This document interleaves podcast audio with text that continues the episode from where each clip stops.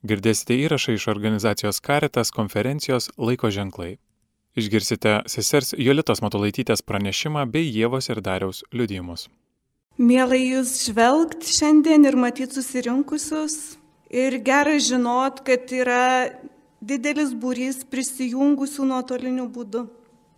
Gyvenam greitais laikais, nuolat besikeičiančiais, kuriuose gale greitas rezultatas vis labiau įsivyraujantis garsus, kitą nuneigiantis kalbėjimas dažnai pamina žmogaus orumą ir vertę, o ypač silpnesniojo. Beveik prieš pusantrų metų pasaulis buvo ištiktas COVID-19 pandemijos, o kaip žinom, visos krizės pirmiausiai paliečia ir skaudžiausiai pačius pažeidžiamiausius visuomenės narius. Kai žvelgiu į Vilniaus arkiviskupijos karitą šiandienos iššūkių kontekste, atpažįstu keletą atraminių dalykų. Ištikimybė misijai, kūrybingas atliepas, solidarumas. Ištikimybė misijai arba kitaip įsipareigojimas. Čia norisi prisiminti e, Vilniaus arkiviskupijos karito misiją Taigi misija - liudyti katalikų bažnyčios rūpestį ir teikti poreikius atitinkančią pagalbą jos labiausiai reikalingiems asmenims, bei skatinti į ją įsitraukti Vilniaus arkivyskupijos parapijų bendruomenės ir visus geros valios žmonės. 2020 metais pagalbą suteikėme daugiau kaip 14 tūkstančių žmonių. 3800 per Vilniaus arkiviskupijos parapijų karitus ir karitatyvinės tarnystės ir daugiau kaip 10 tūkstančių žmonių per Vilniuje esančius karito centrus. Palyginus su 2019 metais padėjom daugiau kaip 1500 žmonių. Į pagalbą stokojantiems ir socialinę atskirtį patiriantiems įsitraukė 127 darbuotojai ir 800 savanorių. Ką pastebim? Ženkliai išaugo poreikis pagalbai maistu 2-3 kartus. Iš jų apie 70 procentų yra pensijinio amžiaus asmenys. Padidėjo tiek vaikų, o ypač paauglių tiek suaugusiųjų poreikis psichologiniai emociniai pagalbai.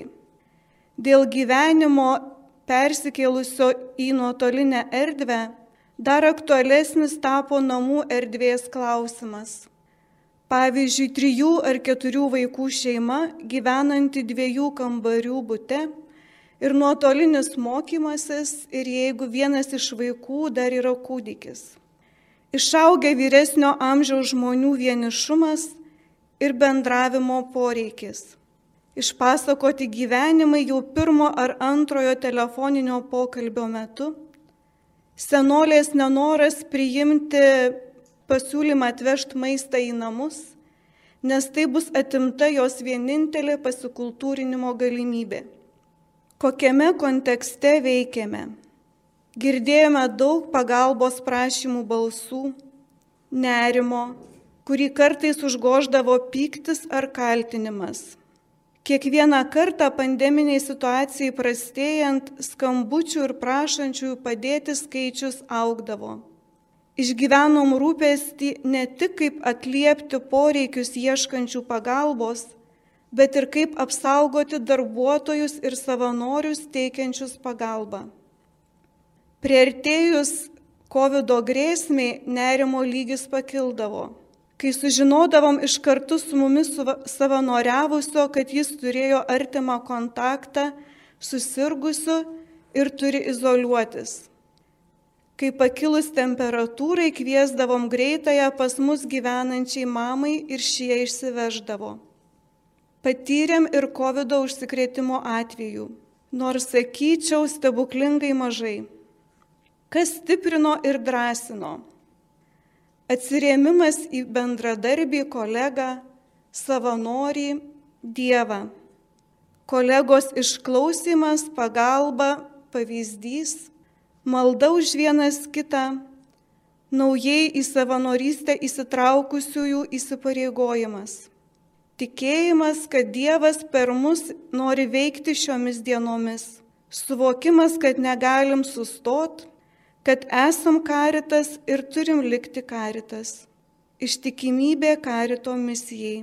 Liudyti katalikų bažnyčios rūpestį ir teikti poreikius atitinkančią pagalbą jos reikalingiems asmenims.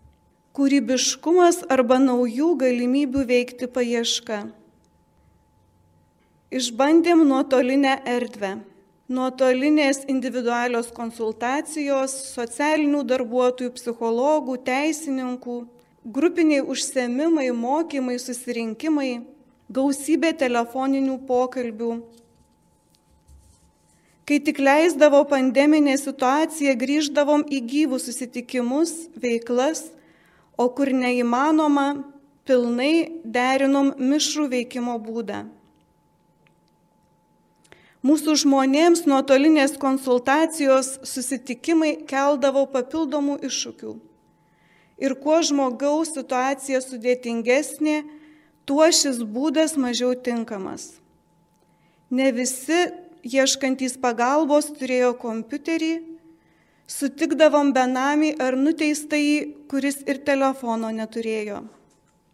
Kai kitos institucijos, ypač valstybinės, persikėlė tik į nuotolinį darbą, žmonėms tokojantiems skaitmenizacijos įgūdžių kontaktinis bendravimas tapo nepakeičiamas. Perorganizavom veiklas, patalpas, pavyzdžiui, vaikams mokymasis nuotolinės pamokos iš vaikų dienos centro nuo pat ankstaus ryto. Konsultacijos ar grupiniai susitikimai laukia tiek vaikams, tiek suaugusiems. Pietų išsinešimas į namus, maisto vežimas į namus vyresnio amžiaus žmonėms. Patyrėm daug solidarumo ženklų iš norinčių mums padėti vykdyti karito misiją, iš įsitraukusių į savanorystę, iš parapijų bendruomenių, iš verslo įmonių. 2020 metais į trumpalaikę ar ilgalaikę savanorystę Vilniaus mieste esančiuose karito centruose įsitraukė daugiau kaip 150 naujų savanorių. Jų pasirinkimas dovanoti savo laiką, gebėjimus leido praplėsti gavėjų skaičių ir pagalbos galimybės. Norėsiu pakviesti vieną iš mūsų savanorių, Jėvą, kuris savanoriauja vaikų dienos centre Vilties Angelas, kad pasidalintų savo savanorystės patirtimi. Jėva sako, kas jei ne aš? Tai laba diena visiems. Iš tikrųjų, pirmą kartą kalbėsiu prieš tokią auditoriją, bet noriu pasidalinti savo mintimis ir patirtimi apie savanorystę. Ačiū, kad pakvietėte. Iš tikrųjų visada žavėjausi žmonėmis, kurie savanoriauja ir skiria savo laiką kitiems, bet pati kažkaip nepasiryždavau, nes, nežinau, turbūt nerasdavau tos krypties tokios e, savo srities būtent. Tačiau, kai pradėjau studijuoti logopedijos mokslą ir, ir dirbti šitoje srityje, tai kažkaip laiku ir vietoje atsirado skelbimas, kad e, dienos centrui reikalinga logopedo konsultacijos savanorio logopedo.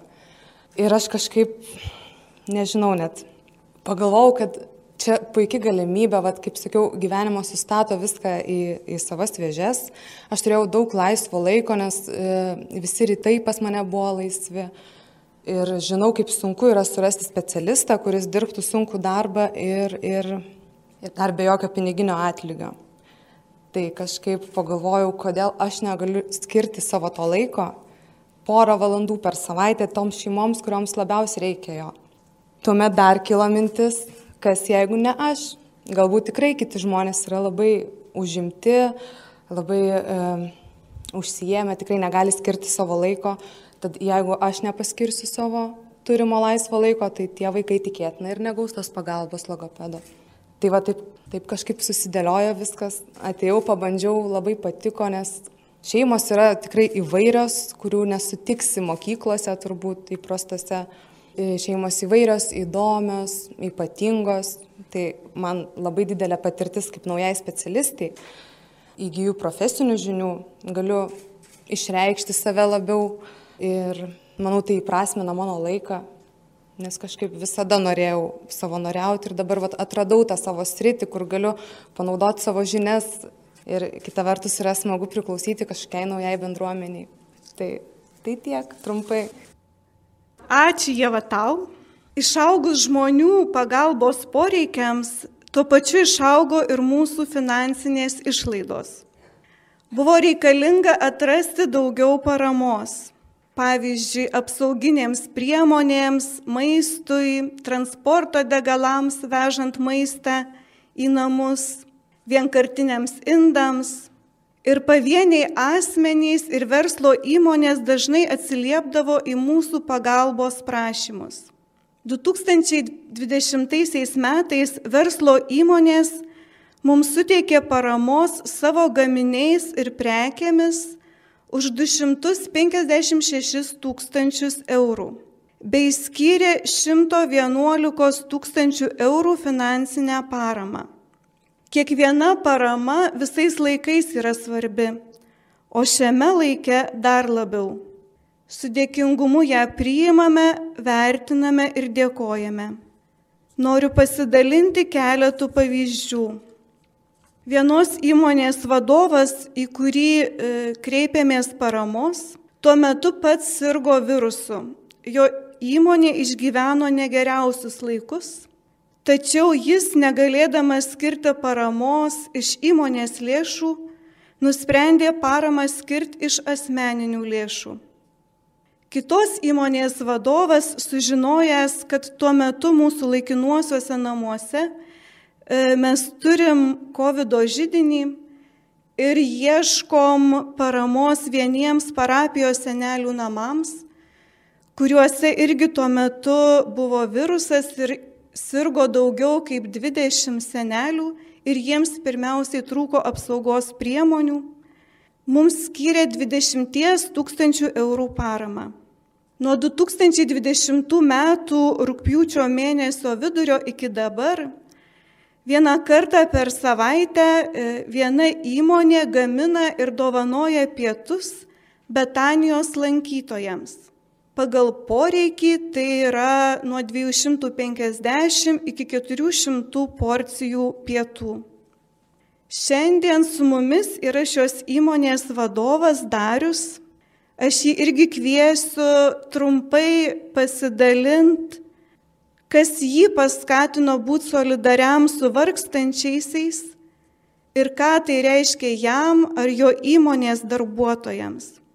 Prisimenu, e, dariau vieną telefoninį pokalbį 20 metų pabaigoje, gruodžio mėnesio pradžioj, kai jūs paskambinot ir sakot, pasitarėm su šeima ir norim per šį advento laikotarpį pietus Betanijos lankytojams skirti ne vieną kartą, o tris kartus per savaitę.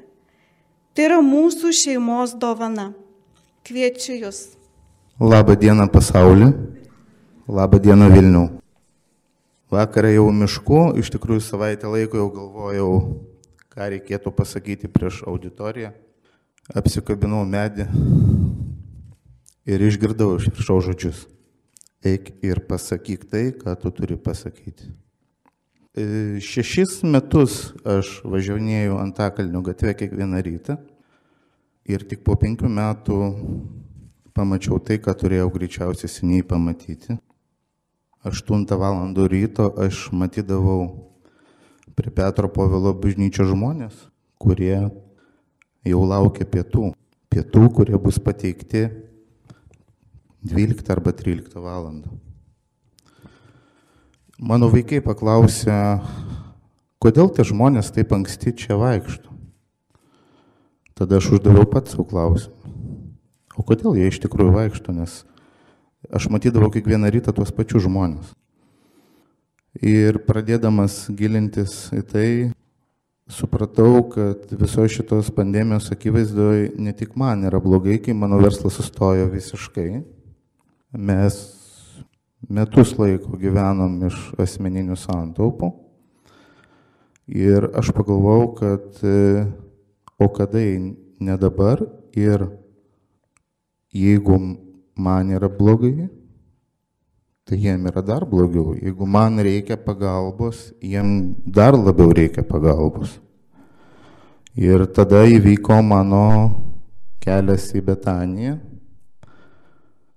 Aš netradau Betanijos, Betanija tiesiog buvo mano kelyje. Ir šita mano mintis buvo spontaniškai išnagrinėta šeimos rate. Aš gavau visišką pritarimą šitam žingsniui. Ir mes pradėjome puikią misiją, puikų bendravimą su seserim Jolita jos tyros akis ir ramus balsas mane paskatino padėti Betanijai ir mano darbuotojai, kuriem buvo pasakyta, kad mes norime gaminti dabar maistą kartą į savaitę Betanijos lankytojams, jie atsisakė papildomą užmokesčio savo darbą, kas sutvirtino mūsų kolektyvą ir pamačiau, kokie žmonės iš tikrųjų yra, turi didelės širdis. Žmonės turi širdį, žmonės tiesiog jas bijo atverti, jiem reikia padėti. Ir aš noriu prašyti ir visuotinės bažnyčios pagalbos, kad daugiau kalbėtų apie pagalbą ne tik tai savo artimam, savo giminiai, šeimos nariui, bet ir bendruomenėms. Ypatingai skatinti paramą, kalbėti apie tai, ir nelaukti, kad aš kažkada tai padarysiu, arba dabar tai yra nelaikas, laikas yra čia ir dabar. Laiko nesugražinsi, reikia gyventi tik tai šiandien ir prieki. Ir ne visada žingsniai turi būti kažko tai su kažkokiais tai tikslais. Nes aš tikslo neturėjau jokio ir jokio neturiu lengvatų aš jokių negaunu ir nenoriu jų gauti. Mano įmonė patyrė vieną didžiausių per 25 metus, e, sakykime, sukretimų ir man ta įmonė išlaikyti labiau yra prieš amžinatelėsi mamą, garbė, kad e, jinai nesugriūtų. Tai pasirinkom paramai tą ne patį maloniausią laiką ir ne patį geriausią o šeimoje vykstančios pastovios kalbos ir diskusijos apie tai tiesiog paskatino mus advento laikotarpiu dar, dar labiau prisidėti iš asmeninių lėšų, iš tų sandaupų, kurias mes turėjom, jas naudoti ne tik savo, bet ir kitiems žmonėms, kuriems to tikrai reikia. E, medijos labai transliuoja vaizdus, kaip ateina į labdaros valgyklas valgyti žmonės bet jie nenutransliuoja vaizdo, nuo kiek valandų tie žmonės laukia to karšto maisto. Aš manau, kad ta transliacija turėtų būti medijų pilnavertiškesnė ir parodyti, kad tie žmonės kenčia labiau už visus kitus ir tai nėra tikrai e, tikslas jų gauti tą maistą, jiem reikia peržengti barjerą per save, tai yra savigarba, savivertė, apie tai, ko mums visiems trūksta. Ir turime stengtis mylėti save, kitus ir visą savo gyvenimo grožį perduoti širdies į širdį. Iš tikrųjų norėjau kalbėti truputį kitaip, bet kadangi sesuo Jolito žodžiai mane šiek tiek sujaudino, aš savo, pak, savo kalbą pakeičiau kitą linkmę, reiškia taip ir turėjo būti. Ačiū visiems. Ačiū Dariui. Tai aš tik baigiant noriu padėkoti kiekvienam iš jūsų, kad esam kartu, kad esam kartu karite, tarnystėj ir šitą laiką patiriam ir išgyvenam ne tik kaip iššūkių, bet ir kaip naujų galimybių laiką. Ačiū. Išgirdote įrašą iš organizacijos Karitas konferencijos Laiko ženklai. Girdėjote sesers Jolitos Matulaitytės pranešimą bei Jėvos ir Dariaus liudijimus.